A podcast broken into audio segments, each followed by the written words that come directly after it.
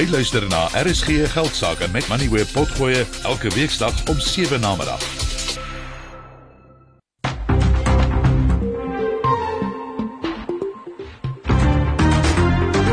Jy luister na RSG Geldsaake, jou betroubare bron vir sake en beleggingsinsigte. Hierdie program word aan jou gebring deur Absa. Jy kan aanlyn na Absa skuif en 'n business evolve rekening oopmaak. Goeienaand en welkom. Ek is Tinus die Jager. JSE in Johannesburg styg bietjie vandag en volg Europese markte hoër. Die rand het vir die grootste deel van die dag aan gister se vlakke bly kou, maar hier laat vanmiddag het hy skerp teruggesak. Johan Gous van Sasfin Wealth is saam met my hier in die ateljee om sy insette oor die markte te gee net hierna. Beleggings in eiendom in die buiteland doen aansienlik beter as soortgelyke beleggings hier in Suid-Afrika. Ons gesels met John Loos, eiendomsekonoom van FNB oor of hierdie prentjie gaan verander in 2023. Dan praat ons oor die energiekrisis in die mynindustrie met Johan Kutse. Johan is by die mynbou Indaba in Kaapstad en het self 'n voorlegging daar gedoen. Dan is daar ook 'n kripto storie met Marius Reitz van Luno en Ryk van die Kerk het met Netbank gesels oor hulle werk in die landboubedryf. Hierdie insetsel word geborg deur Finbond Mutual Bank kontak Finbond Mutual Bank by 0860 442211. Hier is 'n kykie na wat vandag op die markte gebeur het met Henko Kreer. Hallo Tinus, Johan en goeienaand aan elke luisteraar. As ons vinnig loer na hoe dit op die oomblik op Amerikaanse beurse gaan, kan ek vir julle sê dat die Dow Jones uh so wat 0,3% laer is, nie te veel nie, maar dat die S&P 500 en die Nasdaq op die oomblik elkeen 1% laer is. Europese beurse het in die groen gesluit, die FTSE 100 en die Duitse DAX elkeen 0,5% stewiger vandag, maar die CAC 40 het nie regtig beweeg nie en sluit so te sê onveranderd. As ons plaaslik kyk na die JSE, het dit vandag gestyg met 0,6% en sluit op 79976 punte. Die Hulbron indeks se vlak was 0,2% hoër, die nywerheidsindeks 1,2% stewiger en die finansiële indeks ietwat sterker, maar net met 0,04%. Richmond het vandag 2,5% gestyg, BHP en Prosus wen elkeen 2% en Naspers en British American Tobacco sluit die dag 1% stewiger af. Maar Amplats het swaar gekry en sak terug met 4%. Ander maatskappye wat goed gevaar het vandag was Bytes, Quilter en Capco wat elkeen 4.5% gewen het. Sasol het 3.5% gestyg Investec 2.5% hoër en maatskappye soos Fortress SA en Investec wen elkeen 2% vandag. En dan het die Appelhof vandag vir Coronation vetpak slag gegee met 'n bevel om baie belasting oor te betaal aangaande sy eerste been van die Coronation besigheid.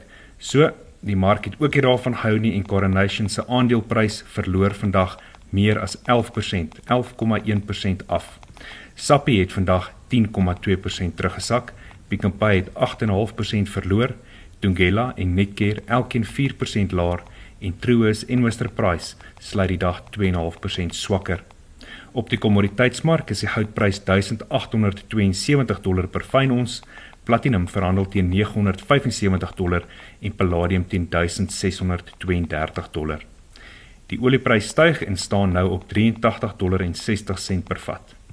Die rand het vandag verswak teenoor die dollar, die euro en die pond en verhandel nou teen R17.78 teenoor die dollar, R19.06 teenoor die euro, R21.45 teenoor die pond en R12.32 teenoor die Australiese dollar.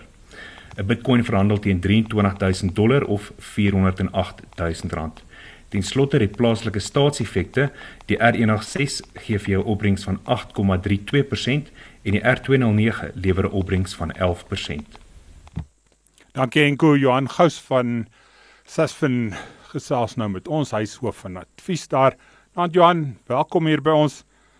Ons volg die Europese markte hoor vir die grootste gedeelte van die dag.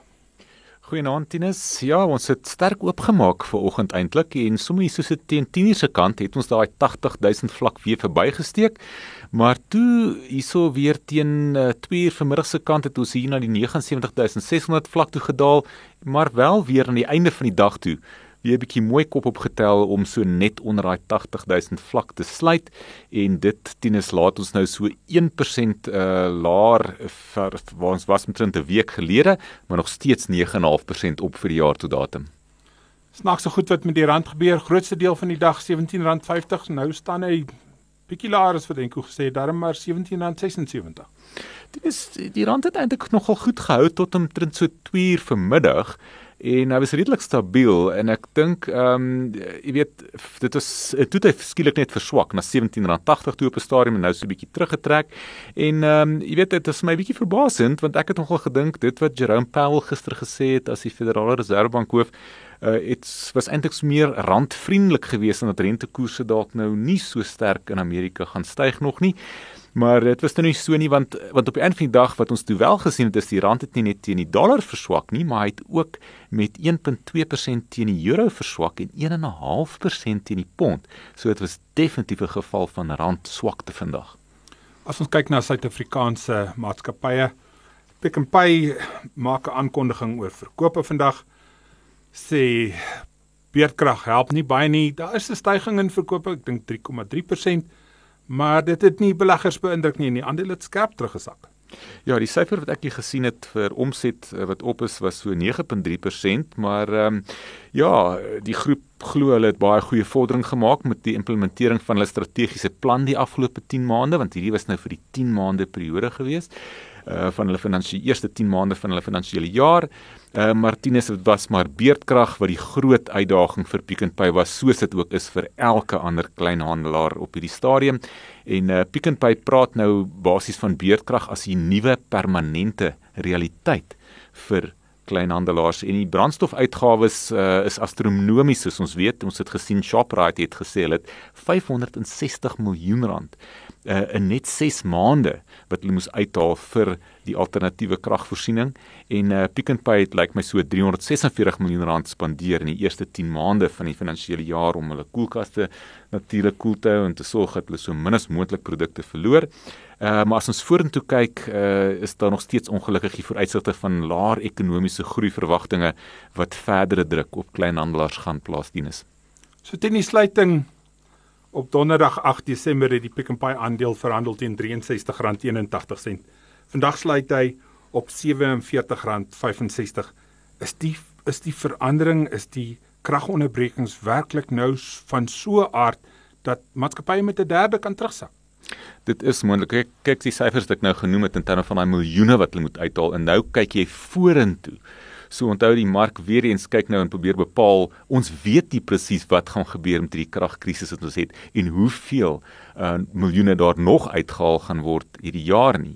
En dan soos ek sê, saam met dit, die feit dat ons ekonomiese groei wat verwag word om net 0.3% te wees hierdie jaar uh dit en ons sien hoe skuld uh, vir huishoudings 'n groot probleem raak met rentekoerse wat nou bietjie hoër is. Rentekoerse hoef nie verder op te gaan van hier af nie, tieners vir weet die druk wat daar saam met die stygings van ehm um, voedsel, krag ensovoorts kom om om om te veroorsaak dat uh, hulle spandeerbare inkomste nog swakker gaan wees nie. Ons staan ook by Sappi, kyk na Sappi, hulle hulle verkope is tog ehm um, baie min laer in Desember gewees vir so die kwartaal kom of of 2% persent ja. Maar die mark het ook nie gehou van die verslag wat hulle vandag uitgebring het. Ja, dit is my baie interessant. Uh, eh, Tinus, ek het eintlik gaan kyk, die syfers gesê die vir die kwartaal op kwartaal, as dit nou vergelyk met die die, hulle eerste kwartaal vir hulle finansiële jaar is die laaste kwartaal van 'n kalenderjaar. So hulle het nou gesê omset was so 2% laer, maar tog sê hulle dat ehm um, die winste 54% hoër is en die skuld 35% laer, maar eh, mense moet nie te veel lees net in 3 maande se syfers nie. Ehm um, hulle sien nog baie moeilike tye wat uh, voorlê gegee die wêreldekonomiese groei se verlangsaming, maar dan saam met laer inflasie en dan ook China wat nou weer oopgemaak het. Dit is twee ligpunte vir vir wat Sappi na kyk. Maar teens weer die mark oor die algemeen dink ek het 'n gevoel dat Sappi kom altyd met een of ander verrassing. En uh, markte hou nie van verrassings nie en ek dink dis hoekom miskien daar nie veel te veel uh, reaksie was op hierdie um, resultate nie. Daar was 'n goeie reaksie so 'n week gelede oor Sasol wat aankondig hulle wil ook nou in die groen of herwinbare energie betrokke raak. En toe het hulle vandag ook 'n 'n stelling gemaak op die beurs positief, baie geld gemaak mm, ja. en en en dit is goed aanvaar. Ja, so dit is maar handelsopdatering gewees en hulle verwag dat hulle tweede helfte van 2022 uh behoort uh, baie goed te wees gegee dat daar 'n hoër hoër oliepryse was. Hulle marges was beter en dan ook as gevolg van die swakker rand. So die verwagting wat uh die bestuur aan die mark uitgestuur het, is dat die hooflyn per verdienste per aandeel sal na verwagting so wat 95% beter wees as uh die tweede helfte van 2021 en die resultate sal dan op 21 Februarie bekend gemaak word. Naspers en Prosus styg ook weer vandag. Ja, wel, dit is maar die twee grootes wat 'n mens graag sal wil sien uh, styg. Ek neem aan dit was maar weer 10 sent bewegings gewees, uh, maar ehm um, ongelukkig ja, partykeer maak dit nie sin nie. Ek dink jy weet dit is nie altyd 'n korrelasie met met 10 sent nie, maar ek gaan nie omgee as as 10 sent uh, of of Prosus en Naspers opgaan, maak nie saak wat 10 sent doen nie. Ek dink 10 sent het begin het laat begin verhandel en effens teruggesak vanmiddag na op amper op die sluiting van ons markte. As ons dan nou kyk na Amerika waar Tencent verhandel word in in dollar, het die president daar Joe Biden vandag met sy verkiesingsveld tog begin en 'n paar ekonomiese stellings gemaak. Ja, kyk, hulle is dink ek op hierdie stadium die groot fokuspunt daarso is maar hierdie skuldplafon wat hulle op hierdie stadium het. Tinus, ek dink ehm um, ek het laaste syfer gesien van 31 triljoen dollar. Nou as hulle nie daai plafon kan lig nie, word dinge baie moeilik en wat ook al hy sal beloof of graag wil doen, uh, word minder van 'n moontlikheid. Uh, hy is baie optimisties geweest, maar op die einde van die dag dien ons weet dit baie demokrate wil hom nie weer in die wedloop vir herverkiesing sien nie en baie van die republikeine is nie noodwendig baie positief oor hom nie. So ons sal moet sien um, hoe daai verkiesingsstryd uitspeel. Een van die goed wat vir my uitgestaan het wat hy gesê het is dat die republikeine saam met die demokrate moet werk om oplossings te vind en en die reaksie van die republikeine was nie baie goed daaroor gewees nie. Wel, ek dink ten minste die een voordeel, hulle het net twee partye wat daaroor iets moet saamstem. As ons kyk na die koalisies wat ons hier in Suid-Afrika gaan moet probeer maak werk, is die lewe baie meer kompleks. So hooplik kan die demokrate en die republikeine wel miskien bietjie saamwerk. Dan dalk net laasens Jerome Powell se aanmerkings gisteraand oor wat gesien is as positief vir 'n miskien 'n afplatting in in rentekoerse ek het dit gelees, ek het dit nie gesien nie en dit die mark het gestyg daar gisteraand, maar maar dis nie 'n blywende stygings nie. Vandag is die beurs laer. Dit was nie. Ek dink elke keer na die stellings gemaak word en dit was eintlik baie positief geweest aanvanklik maar dan begin die mark weer te dink oor presies wat gesê is. En ek dink die die feit is dat rentekoerse kan nog steeds redelik ehm um, sal nog steeds moontlik kan styg. Verder uh, as wat dalk moontlik verwag word uh, 'n week gelede. En ek dink spesifiek daardie werkloosheidssyfer van 3.4% na hoeveelheid werkgeleenthede wat geskep is wat laas Vrydag uitgekom het. Dit is die groot faktor gewees wat nog steeds in die agterkop van mense sit. Nou daar's weer 'n arbeidsverslag wat sou uitkom voor die Federale Reservebank hulle volgende rentekoersbesluit moet neem en ek dink dit is die punt tennis dat wat ook al hier gaan gebeur in terme van rentekoerse gaan baie data afhanklik wees. Dankie Johan, Johan bly hier by ons om sy insette te lewer op van die gesprekke of onderhoude wat ons net hierna hou. Die insetsel is geborg deur Finbond Mutual Bank. Kontak Finbond Mutual Bank by 0860 442211. Finbond Groep Beperk bied 'n gewaarborgde opbrengs op vaste termyn beleggings. Verdien 10.5% nominale rente per jaar op 'n 5-jaar termynbelegging van 1 miljoen rand of meer. Geen inisiasie of administrasie fooie word gehef nie en rente kan uitbetaal of gekapitaliseer word. Belastingvoordeel is gekoppel aan ouderdom.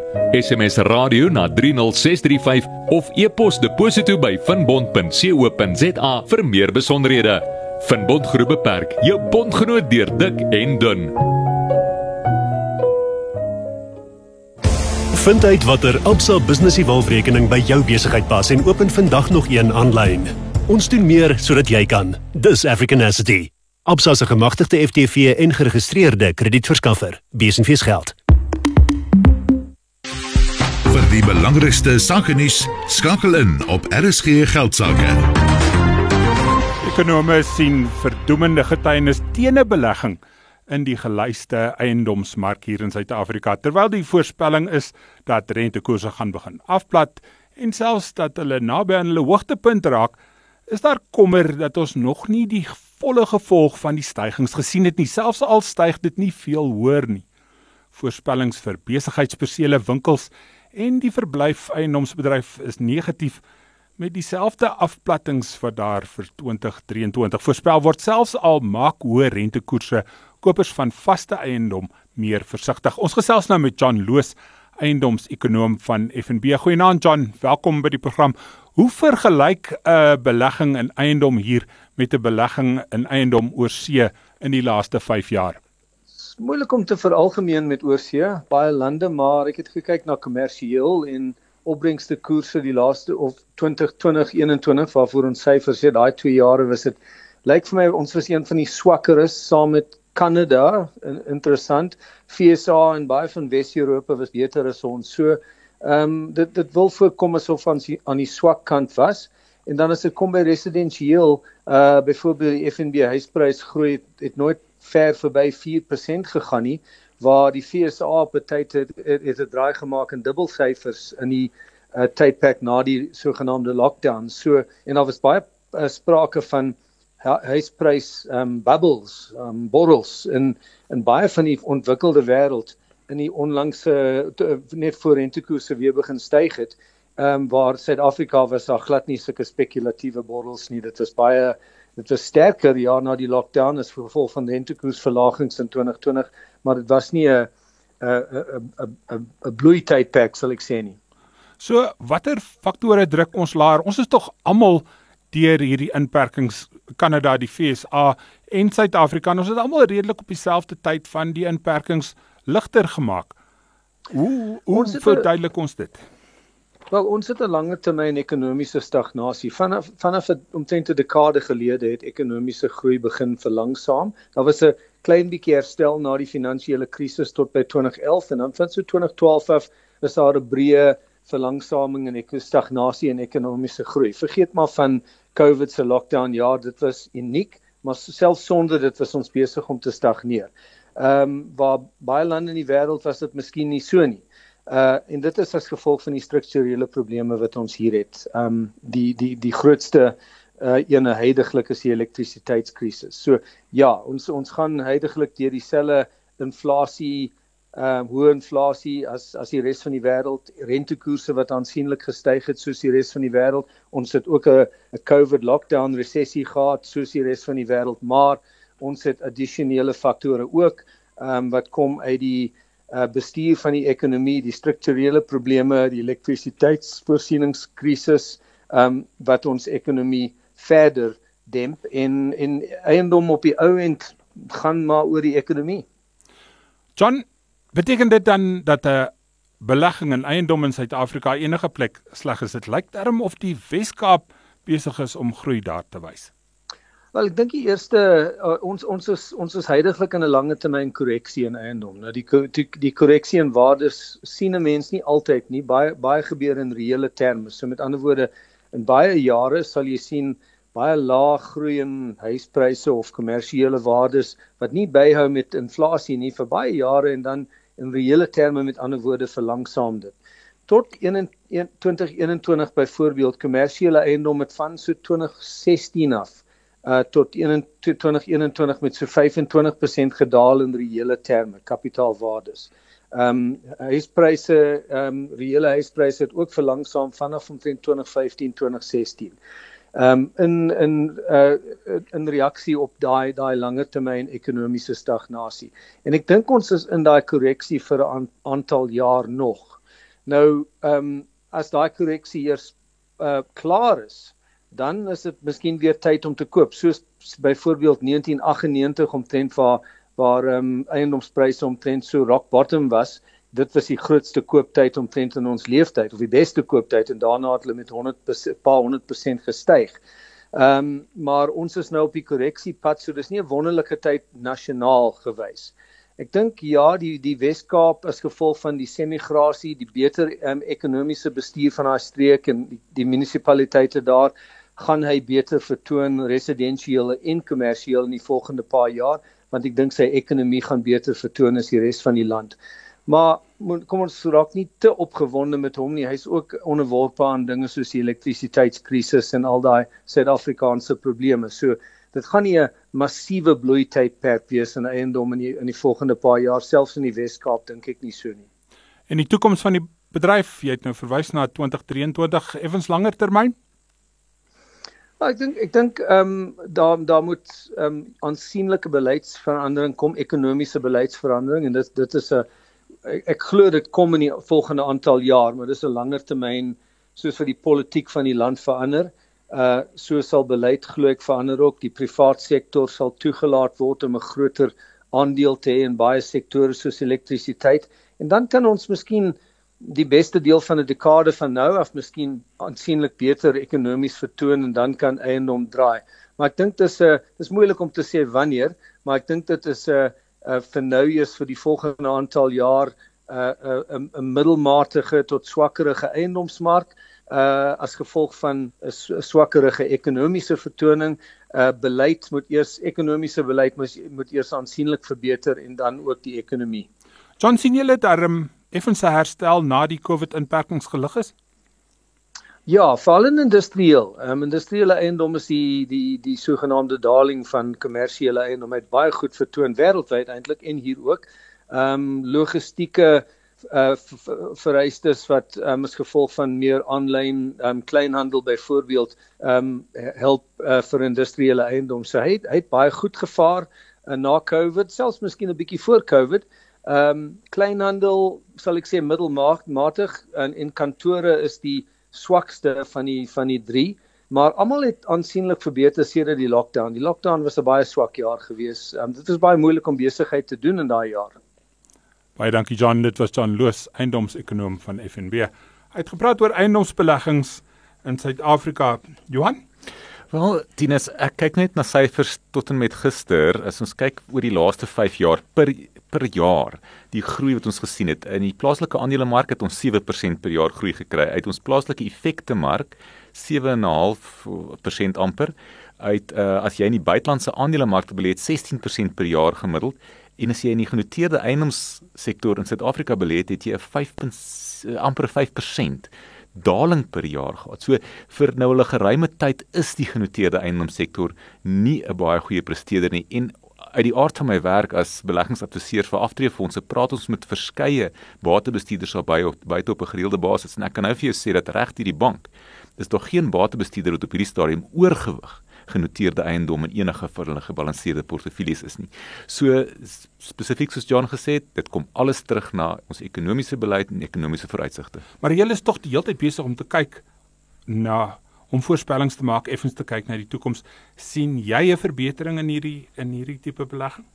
Daar gaan heel moontlik, daar gaan 'n draaipunt kom waar dit moet begin beter raak, né, nee, Tinus, maar ek gaan nog steeds nie vir jou sê dat jy noodwendig veel meer as inflasie gaan kry as 'n opbrengs op hierdie bateklasse in die volgende paar jare. Kan ek 'n besigheidsrekening kry wat by my besigheid pas? Met Absa kan ek. Absa se Business Evolve rekeninge bied 'n verskeidenheid buigsame opsies vir besighede van verskeie groottes. Elke pakket bied gratis toegang tot aanlyn bankdienste, 'n spaarsakkie en cashflow manager, 'n geïntegreerde rekeningkunde hulpmiddel wat jou help om op hoogte van finansies en meer te bly. Dis 'n oplossing wat saam met my besigheid groei. Vind uit watter Absa Business Evolve rekening by jou besigheid pas en open vandag nog een aanlyn. Ons doen meer sodat jy kan. Dis African Asset. Absa se gemagtigde FTV en geregistreerde kredietverskaffer. Besenfees geld. Maatskappye wat soet koeldrank maak, teken ons om 'n wins te maak. Elke slukkie wat ons neem, stort suiker in ons liggame, wat ons siek maak en ons tande laat verrot. Ons het strenger wette nodig om ons te beskerm. Minder suiker, meer lewe. Gee jou ondersteuning WhatsApp 076 174 7999.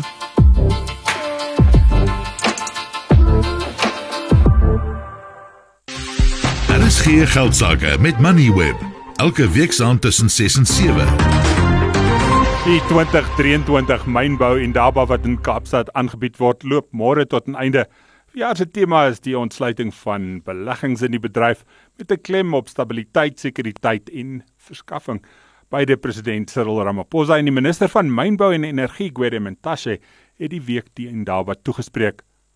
Terwyl president Ramaphosa die klem gelê het op wat mynbou vir die ekonomie en spesifiek werkskepping kan beteken, het die minister veral na stabiliteit en energievoorsiening gekyk en hy is bekommerd oor hoeveel geld die gebrek Suid-Afrika kos. Ons gesels met Johan Kutse vanaand, hy is direkteur metale en mynbou by DSS. Goeienaand Johan, welkom by die program. So daar is moontlikhede soos ons weet, maar die gebrekkige elektrisiteitsvoorsiening steek steeds sy kop uit. Wat doen die myne om hulle eie krag op te wek? Uh, goeienaand Tinus en goeienaand luisteraars. Ek dink ehm um, ons het uh, oor die laaste paar dae met verskeie maatskappye gesels en daar's baie opsies wat oorweeg word deur elkeen van die maatskappye. Ehm um, dit is egter belangrik dat elke maatskappy sy eie energiemengsel moet regkry. En een ding wat ons gewoonlik vir ons kliënte aanbeveel is om nie net te kyk na die korttermynbehoeftes nie, maar ook 'n bietjie in die langer termyn te dink uh, in terme van hoe hulle energiemengsel moet lyk. Is die opwekking van hulle eie krag nou vir die myne 'n negatiewe stap vir die res van die bevolking word daar nie 'n klomp inkomste vir die regering gegenereer juis uit die voorsiening van elektrisiteit aan myne en swaar industrie nie. Atinus ek dink die ehm um, die werklikheid wat homself voordoen op hierdie stadium is dat ons nie net na een party kan kyk vir die oplossing van die probleem nie. So ons moedig maatskappye aan om om te kyk om dit nie alleen te probeer doen noodwendig nie, maar ook om te kyk na vennootskappe en samewerkingsooreenkomste tussen verskillende maatskappye, maar ook tussen maatskappye en die gemeenskap om seker te maak dat die meeste voordeel getrek word uit die uit die skaal waarop hierdie projekte gedoen word. So Johan, is hernubare energie 'n oplossing vir hierdie industrie en die mynboubedryf of kyk hulle en moet hulle dalk kyk ook deur opwekking met steenkool? Uh dit is baie spesifiek tot elke maatskappy. Dit hang baie af van die verbruiksprofiel van die maatskappy. Um uit die aard van die saak uit as jou verbruiksprofiel hoog is gedurende die dag, dan word sonkragopwekking 'n oplossing. Um maar as jou gebruiksprofiel skuif na 'n ander tyd van die dag toe, dan moet jy kyk na verskillende energiemengsels.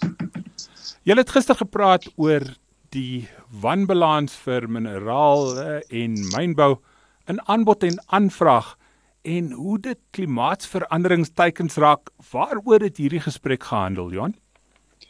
So ons het gesels en ek dink daar's redelike ehm um, konsensus tussen die groep dat die aanvraag vir minerale en spesifiek kritiese minerale net gaan toeneem um, oor die volgende paar jaar.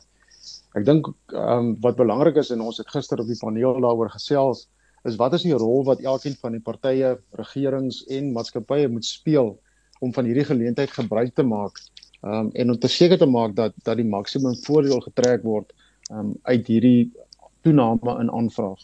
En word daar geleenthede vir Afrika raak gesien hierin? Ons het baie spesifiek gesels oor die geleenthede vir Afrika. Ek dink ehm um, soos baie van die luisteraars ook sal weet, Afrika is ryk aan natuurlike en menslike hulpbronne beide wat eintlik nog relatief ehm um, beskikbaar is So ons het baie spesifiek gesels oor oor wat se geleentheid dit vir Afrika gaan bied binne die konteks van hierdie hierdie toename in aanvraag. En spesifieke geleenthede wat jy raak gesien het? Ehm um, ek ek dink ehm um, daar was 'n verskeidenheid van gesprekke rondom ehm um, hoe Suid-Afrika geposisioneer is binne in hierdie konteks. Daar's uit die aard van die saak uit verskeie uitdagings wat wat aangespreek moet word. Ehm um, maar ek dink reg oor die kontinent is daar verskeie geleenthede beskikbaar in terme van minerale wat nog ontgin en en verder um, ontbloot moet word. Nadele? Het julle enige nadele raak gesien? Ehm um, daar was natuurlik reg oor die die hele mining en daar was baie gesprekke rondom energie en infrastruktuur. Ek dink dis 'n storie net net in Suid-Afrika nie, maar ook reg oor Afrika dat dat infrastruktuur en energie ehm um, een van die groot uitdagings gaan wees. Ek dink die die Die tweede punt waaroor ons gesels het was die stabiliteit van wêreldmarkte en die verskillende ontwrigtinge wat ehm um, wat in die mynboubedryf plaasvind en hoe maatskappye hulle self moet gereed kry en 'n bietjie meer ehm um, vooruit moet kyk na wat hierdie moontlike blootstellings kan wees. En dan het ons baie gesels oor wat is die voorbeeld wat wat mynbou en met mineraalmaatskappye moet stel deur hierdie proses van die oorgang na volhoubaarheid toe met te te ehm um, versnel sodat hulle meer kapitaal en beleggings na die industrie toe kan trek. Dankie Johan, dit was Johan Kutse, direkteur metale en mynbou by DSS. Johan, elke storie wat ons doen verwys terug na die energiekrisis. Dit is so, dit is die uh bloed in jou are as ons kyk na ons ekonomie, né? So uh, dit gaan oor ehm um, die pipe en die paaie, ons infrastruktuur. Ehm um, en dan saam met dit die krag wat wat wat ook hierdie weet instansies moet toelaat om te doen wat hulle moet doen. So ja, Tien is daar en ongelukkig daar is nie vinnige antwoorde nie.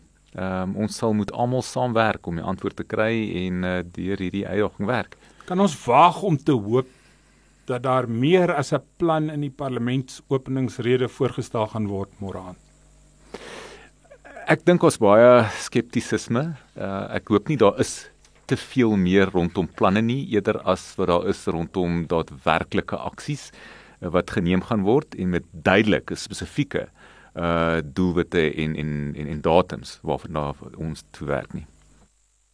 In 'n wêreld waar jou vervaardigingsbesigheid buitengewoon moet wees, wil jy nie ook 'n bank hê wat groter dink nie? Ons spankundiges verstaan die nuances van die bedryf al te goed en daarom kan ons pasgemaakte oplossings vir jou besigheid bied. Wil jy net nog 'n finansiële vennoot hê of een wat met jou toekomsverwagtinge in die vervaardigingsbedryf kan help? Dink groter, dink Nedbank kommersiële banksaake. Vir meer inligting, besoek Nedbank Manufacturing. See money differently. Nedbank Ons is 'n gelisensieerde FDV en geregistreerde kredietverskaffer. 'n Naam word altyd gemeet aan wat dit doen. Neem ons naam byvoorbeeld, Efficient Wealth, om jou besittings te beskerm en jou finansiële toekoms te verseker. Dis wat ons doen, van lewens- en korttermynversekering tot beleggings en aftreebeplanning. Vind uit wat ons vir jou kan doen by efw.co.za of 087 894 9988. Efficient Wealth Dis wat ons doen. Efficient Wealth is 'n gemagtigde finansiële dienste verskaffer. Vind uit watter Absa Business Evolve-rekening by jou besigheid pas en open vandag nog een aanlyn. Ons doen meer sodat jy kan. Dis Africanacity. Absa se gemagtigde FTV en geregistreerde kredietverskaffer. Besenfees geld. Daar is geen geldsaake met Moneyweb. Jou betroubare bron vir sakke en beleggingsinsigte. Dink verder as tradisionele banksaake. Stel jou 'n bankvernoot voor wat omvattende finansiële insig kan bied. Dink groter, dink Nedbank kommersiële banksaake. Die landbousektor was die afgelope paar jaar een van die ankersektore in ons ekonomie. Rekordoeste uitvoere weens goeie weeromstandighede het 'n groot bydrae tot ekonomiese aktiwiteitsvlakke gemaak en ook 'n rol gespeel dat ons ekonomie steeds groei. Maar daar is ook winde teen die bedryf soos vervallende infrastruktuur, beerdkrag, logistieke probleme, siektes en so meer.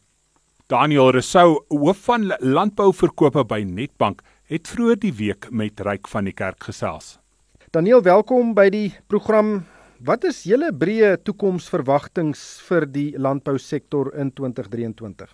Ja, ek dink 'n mens moet dan eers net gaan kyk na die geskiedenis en ons kom uit drie ongelooflike moeilike jare uit, veral wat ons uitvoere aanbetref en dan natuurlik die probleme wat ons gehad het met rondom infrastruktuur en alles wat daar rondom geïmpakteer het om ons vrugte en ons hoëwaarde landboubedrywe land uit te kry. Ons het nou nog nie die 4de kwartaal se handelssyfers gesien nie, maar as ons nog net byvoorbeeld gaan kyk na die 3de kwartaal, het ons eintlik nie te vrot gedoen in 2022 nie. Die totale landbouuitvoere in die 3de kwartaal was iets soos 3,7 miljard Amerikaanse Amerikaanse dollar. Dit is 10% jaar op jaar. Maar nou moet ek ook daarom sê ek dink ons groot probleme het daarna gekom in die 4de kwartaal en nou ook in die 1ste kwartaal van 2023. En ek weet dat Ekbus en byvoorbeeld georganiseerde landbou is nou besig om die risiko wat ons nou mee sit, met die verwagte uitkoms van dit te kwantifiseer. So ons het nog nie werklik data wat dit aanbetref nie. Maar wat ons van die banksektor uit definitief sien is dat 'n definitiewe inkrimping gaan kom, weet veral wat uitbreidings aanbetref. Ons sien minder kapitaalspandering byvoorbeeld op nuwe boorde en nuwe infrastruktuur in terme van veral die sekondêre komponent.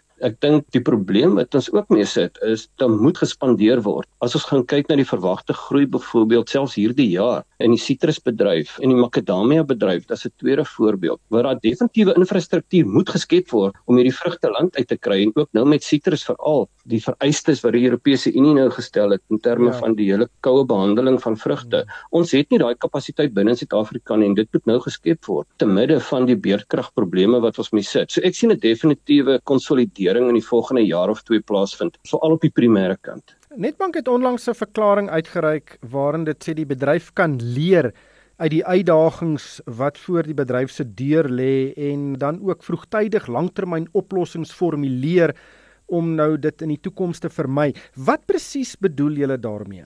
Mens moet kyk na een of twee dinge. En eerste is dit natuurlik nou weer die omskakeling na hernubare energie. Nou dit kom nou al 'n hele paar jaar met ons en ek dink ons word nou na 'n punt toe gedryf wat dit al hoe meer aandag begin het. En baie van ons produsente het in hierdie laaste jaar of twee nou al begin oorskakel na hernubare energie met sy of dit dan nou sonpanele is of wind of wat ook al. So daai gedeelte dink ek is daar baie huiswerk al oor gedoen wat ons definitief kan leer uit beste praktyke in terme van wat is die beste moontlike installasies wat gedoen kan word. En ek dink dan in die tweede gedeelte ook is rondom besproeiing. En ek wat toevallig in die Wes-Kaap woon wat ons gesien het in die laaste paar jaar wat die Weskaap redelik gebuk gegaan het onder ernstige droogtes en wat daar redelik planne gemaak moet word rondom meer effektiewe besproeiingsstelsels en selfs as jy gaan kyk na jou bewerkingspraktyke om uit hierdie te leer veral as wat ons nou kyk na die Ooskaap ook wat onder dieselfde probleme nou deurgaan is om te leer wat die Weskaap byvoorbeeld gedoen het. En ek dink dit is wat ons probeer sê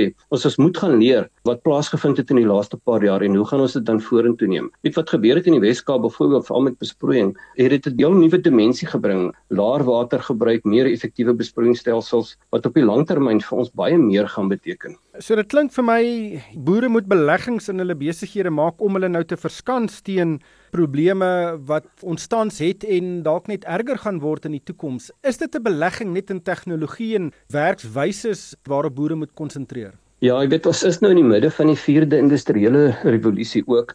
En dan natuurlik aan die ander kant sit jy met ons het nie krag nie. Wat jy amper terug gaan na die eerste industriële revolusie toe. So ons het so half 'n se doule swart wat ons nou mee sit. So as ons dan gaan kyk na byvoorbeeld rondom die tegnologie is hoe om tegnologie nou te gebruik in die toekoms om dit makliker te maak en meer koste-effektief te kan doen. Want die probleem is wat ons mee sit, ons produseer teen dalende marges. In sy kostes raak net al hoe duurder. So hoe kan ons dit meer effektief doen? Maar ek dink dan ook veral as ons gaan kyk na hernubare energie. Dit is nie meer net om daai tegnologie te gebruik nie. Dit is eintlik nou 'n risiko in jou besigheid. So jy moet verskans teen daai risiko. Nou ons weet ook dit kom teen 'n sekere koste en ek dink dan om te gaan kyk, jy weet wat is beskikbaar, miskien as jy gaan kyk na finansieringsopsies wat beskikbaar is om dit so koste-effektief as moontlik te doen. Met ander woorde om daai kontantvloei impak in jou besigheid so sag as moontlik te kan doen. Ja, maar nie alle boere is mega boere nie, want die goed is duur. En veral jou middel en kleiner boere kan nie altyd hierdie produkte bekostig nie. Is daar oplossings vir die laer deel van die mark as ek dit nou so kan noem beskikbaar? Dit is regtig 'n moeilike situasie wat jy mee sit want selfs al kyk jy net na byvoorbeeld sonpanele en sonkrag. Deesdae beteken dit niks as jy nie regsteen batterye gebruik. Dit kos presies dieselfde as net om 'n sonpaneelstelsel op te sit. En dan natuurlik nog gaan na kragopwekkers ook om daai impak van weerkrag te versag. So dit is regtig nie 'n maklike oplossing as ons spesifiek rondom dit moet praat nie. Maar daar is opsies in die mark beskikbaar, byvoorbeeld deur hernubare energiestelsels te huur. Ek dink daar word nogal redelik baie werk gedoen rondom dit. Met ander woorde om nie self by die kapitaal te spandeer van dag 1 af nie, maar dit amper dan te hanteer soos wat jy maandeliks elektrisiteitsrekening betaal. Maar ek dink as jy begin kyk na weet wat moontlike oplossings dan kan wees, jy moet investeer. Ek dink dit is onafwendbaar. Maar die vraag is hoe jy dit doen en hoeveel huiswerk jy doen rondom dit. Want ewe skielik is daar 'n magdom nuwe installeerders wat op die mark gekom het en dit is dis regtig 'n mynveld om die beste te kies. So ek dink ou moet jou huiswerk ongelooflik goed doen en dan natuurlik weer daai proaktiewe gesprekke met jou finansierders om die regte finansieringsstrukture vir jouself in plek te kan sit, juis om daai kontantvloei impak so ver as moontlik te kan versag. Ons hulle daarmee los. Daniel, dankie vir jou tyd vanaand. Dit was Daniel Resou. Hy is Netbank se hoof van landbouverkope. Die program is aangebied deur Nedbank Kommersiële Banksaake. Die vennoot wat groter dink sodat jou besigheid kan groei. Vir meer inligting, besoek nedbank.co.za. Dink meer as besigheidsbeplanners. Dink toekomsskeppers. Dink vindingryke oplossings saam met omvattende kennis van jou besigheid. Dink meer as 'n bank, dink groeivennote. Dink 'n span gespesialiseerde kenners wat jou help om vinnige finansiële besluite te neem. Dink meer as 'n bankvernoot, dink bedryfskenners. Dink 'n strategiese vennootskap wat broodnodige advies gee. Dink groter vir jou besigheid. Dink Nedbank kommersiële banksaake. Vir meer inligting, besoek nedbank.co.za. See money differently. Nedbank. Ons is 'n gelisensieerde FDV en geregistreerde kredietverskaffer. Soek jy na opbrengste wat die mark klop terwyl jou kapitaal beskerm word? dan hoef jy nie verder as Lorium Capital se verskansingsfondse te kyk nie. Met 14 jaar se uitstekende prestasie is dit tyd om weer na die diversifikasie van jou beleggingsportefeulje te kyk. Vir meer inligting oor een van Suid-Afrika se voorste verskansingsfondsbestuurders, gesels met jou finansiële raadgewer of besoek Lorium Capital by www.loriumcapital.com. Belê met die slim geld. Larium Capital is 'n geregistreerde verskaffer van finansiële dienste. Besoek RSG Geldsaake se Facebookblad en kom ons gesels. Kripto geld eenhede klim skerp hier in die eerste paar weke van die jaar, maar dis nie alles so rooskleurig nie. Die kriptomark het 'n rowwe 2022 gehad en die positiewe sentiment van jaar blyk maar soortgelyk aan wippplankryk te wees. Charlie Munger, Warren Buffett se regterhand by Berkshire Hathaway, het nou die Amerikaanse regering gevra om die hele spul te verban. Sy probleem blyk te wees 'n gebrek aan regulasie veral deur regerings. Munger het van tevore die kriptowêreld as 'n oop riool beskryf. Ons gesels weer kripto vanaand soos elke Woensdag en Marius Ryds van Luno is hier met ons. Marius, voor ons gesels oor Munger se uitlatings, hoe die week gegaan met die kriptogeld eenhede. Is ja, die Bitcoin prys is vir die tweede agtereenvolgende week basies onveranderd. Die prys staan tans op 23000 Amerikaanse dollar of min of meer 409000 rand. As ons kyk na Ethereum, Ethereum is 2% in die groen die afgelope week. Dit het ook ietwat stagneer sedert die 20ste Januarie en die prys staan tans op 1650 Amerikaanse dollar of net so onder die 30000 rand. As ons kyk na gebeure plaaslik, het ons gesien dat Pick n Pay Bitcoin as 'n betalingsopsie nou beskikbaar is by meer as 1500 winkels, insluitend Pick n Pay Clothing ook. So dit is 'n groot stap vorentoe. En dan in die res van die wêreld, die Britte het aangekondig dat hulle gaan strenger vereistes toepas op kriptoplatforms dit is ook 'n positiewe stap vir die industrie. Dit bied meer sekerheid vir die industrie vorentoe. Dit is net interessant dat as Brittanje nou so goed begin aanvaar dat die prys nie bietjie hoër gaan nie. Ek dink daar is so baie aankondigings op 'n jaarlikse basis dat ek dink die markte faktor reeds aankondigings in deur die Britte, die Amerikaners en so voort. So ek dink die prysbewegings tans is grootliks as gevolg van bewegings in inflasie. Ek dink daar's maar 'n mate van korrelasie met uh, aandelemarkte en soos altyd op die kort termyn is dit regtig moeilik om te voorspel hoe die pryse gaan beweeg.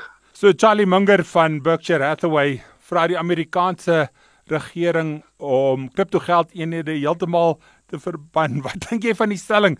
Dis nie asof hy nie al van tevore bietjie krities of baie krities was teenoor kripto nie. Hy het al voorheen uitgevaar. Sy argument is dat Bitcoin word nie gerigsteen deur 'n onderliggende bate nie en daarom kan dit nie waarde hê nie.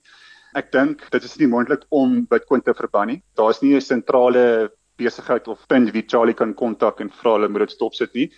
Wat wel gebeur teen is en wat ons wel sien is dat regerings dit moeiliker maak vir die alledaagse persoon om toegang te kry tot kriptogeld en ons sien dit veral in ontleikende markte Kenia ensovoorts waar sentrale banke handelsbanke verbied om bankdienste te verskaf aan kriptoplatforms.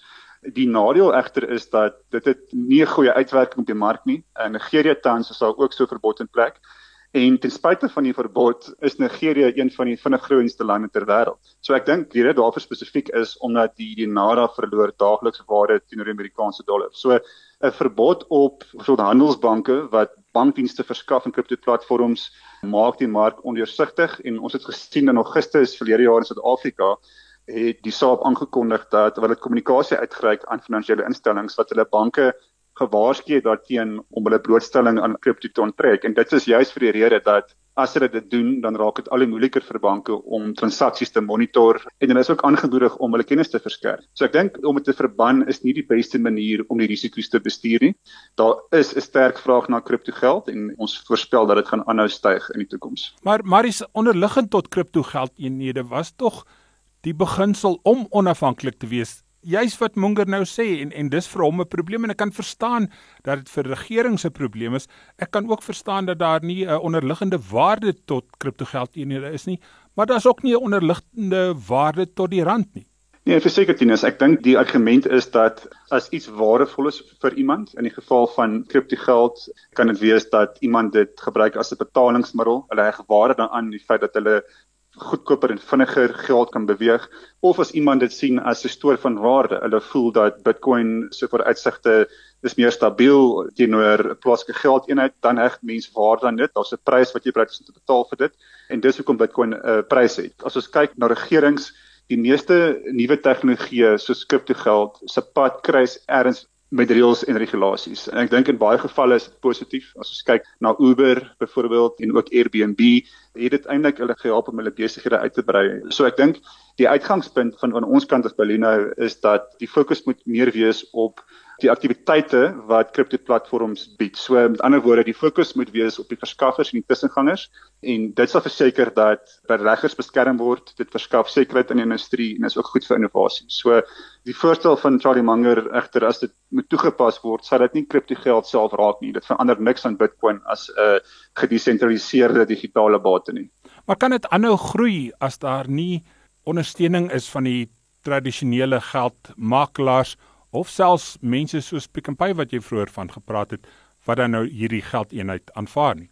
Ek glo so, ek dink die kriptomark het die afgelope dekade gegroei vanaf 'n voetsoelvlak regtig tot 'n bateklas van amper 'n triljoen Amerikaanse dollar. En as ons kyk na die twee groepe, dink ek is dit hoofsaaklik twee groepe. Dit is die wat kriptogeld gebruik uit nood uit Dis dit is persone in ontleikende markte, hulle plaaslike geld eenhede val hulle, hulle verloor waarde en ook hulle sukkel om betalings te maak met astronomiese kommissie op betalings. En dan die tweede kategorie is wat ons noem die, die greed kategorie, dis dis grootliks uh, spekulante. So ek dink as ons kyk na makelaars, sekere lande soos die FSA kan makelaars reeds advies verskaf aan hulle kliënte. Suid-Afrika is dit tog nie moontlik nie, maar die FSA het aangekondig, ek dink dit was November laas jaar dat in die tweede helfte van hierdie jaar gaan kriptoplatforms moet aansoek doen vir lisensies en huidige makelaars gaan kan advies gee en dienste verskaf. So ek dink die siening tans in die mark is dat dit is nog baie vroeg. Diegene wat tans kriptogeld besit maak deel uit van die sogenaamde early adopters en dat die grootste gedeelte van die kleinhandelmark nog nie kripto besit nie. So ek dink tradisionele makelaars sal dit moontlik maak vir die meerderheid mense om dan ek dink veiliger toegang te kry tot kriptogeld. Dankie Marius, dit was Marius Reitz. Afrika bestuurder van Luno. Ons is oor ons tyd. Dankie Johan Gous van Sasfin Wealth vir jou insette vanaand. Van my Tinus die Jager, dankie dat jy vanaand saamgeluister het. Hierdie program is aan jou gebring deur Absa. Jy kan aanlyn na Absa skuif en 'n business evolve rekening oopmaak. Jy het geluister na RSG Geldsaake met Money where potgoe elke weeksdag om 7 na middag. Vir meer Money where potgoe, besoek moneyweb.co.za of laai die toepassing af en volg Moneyweb News om dagliks op hoogte te bly.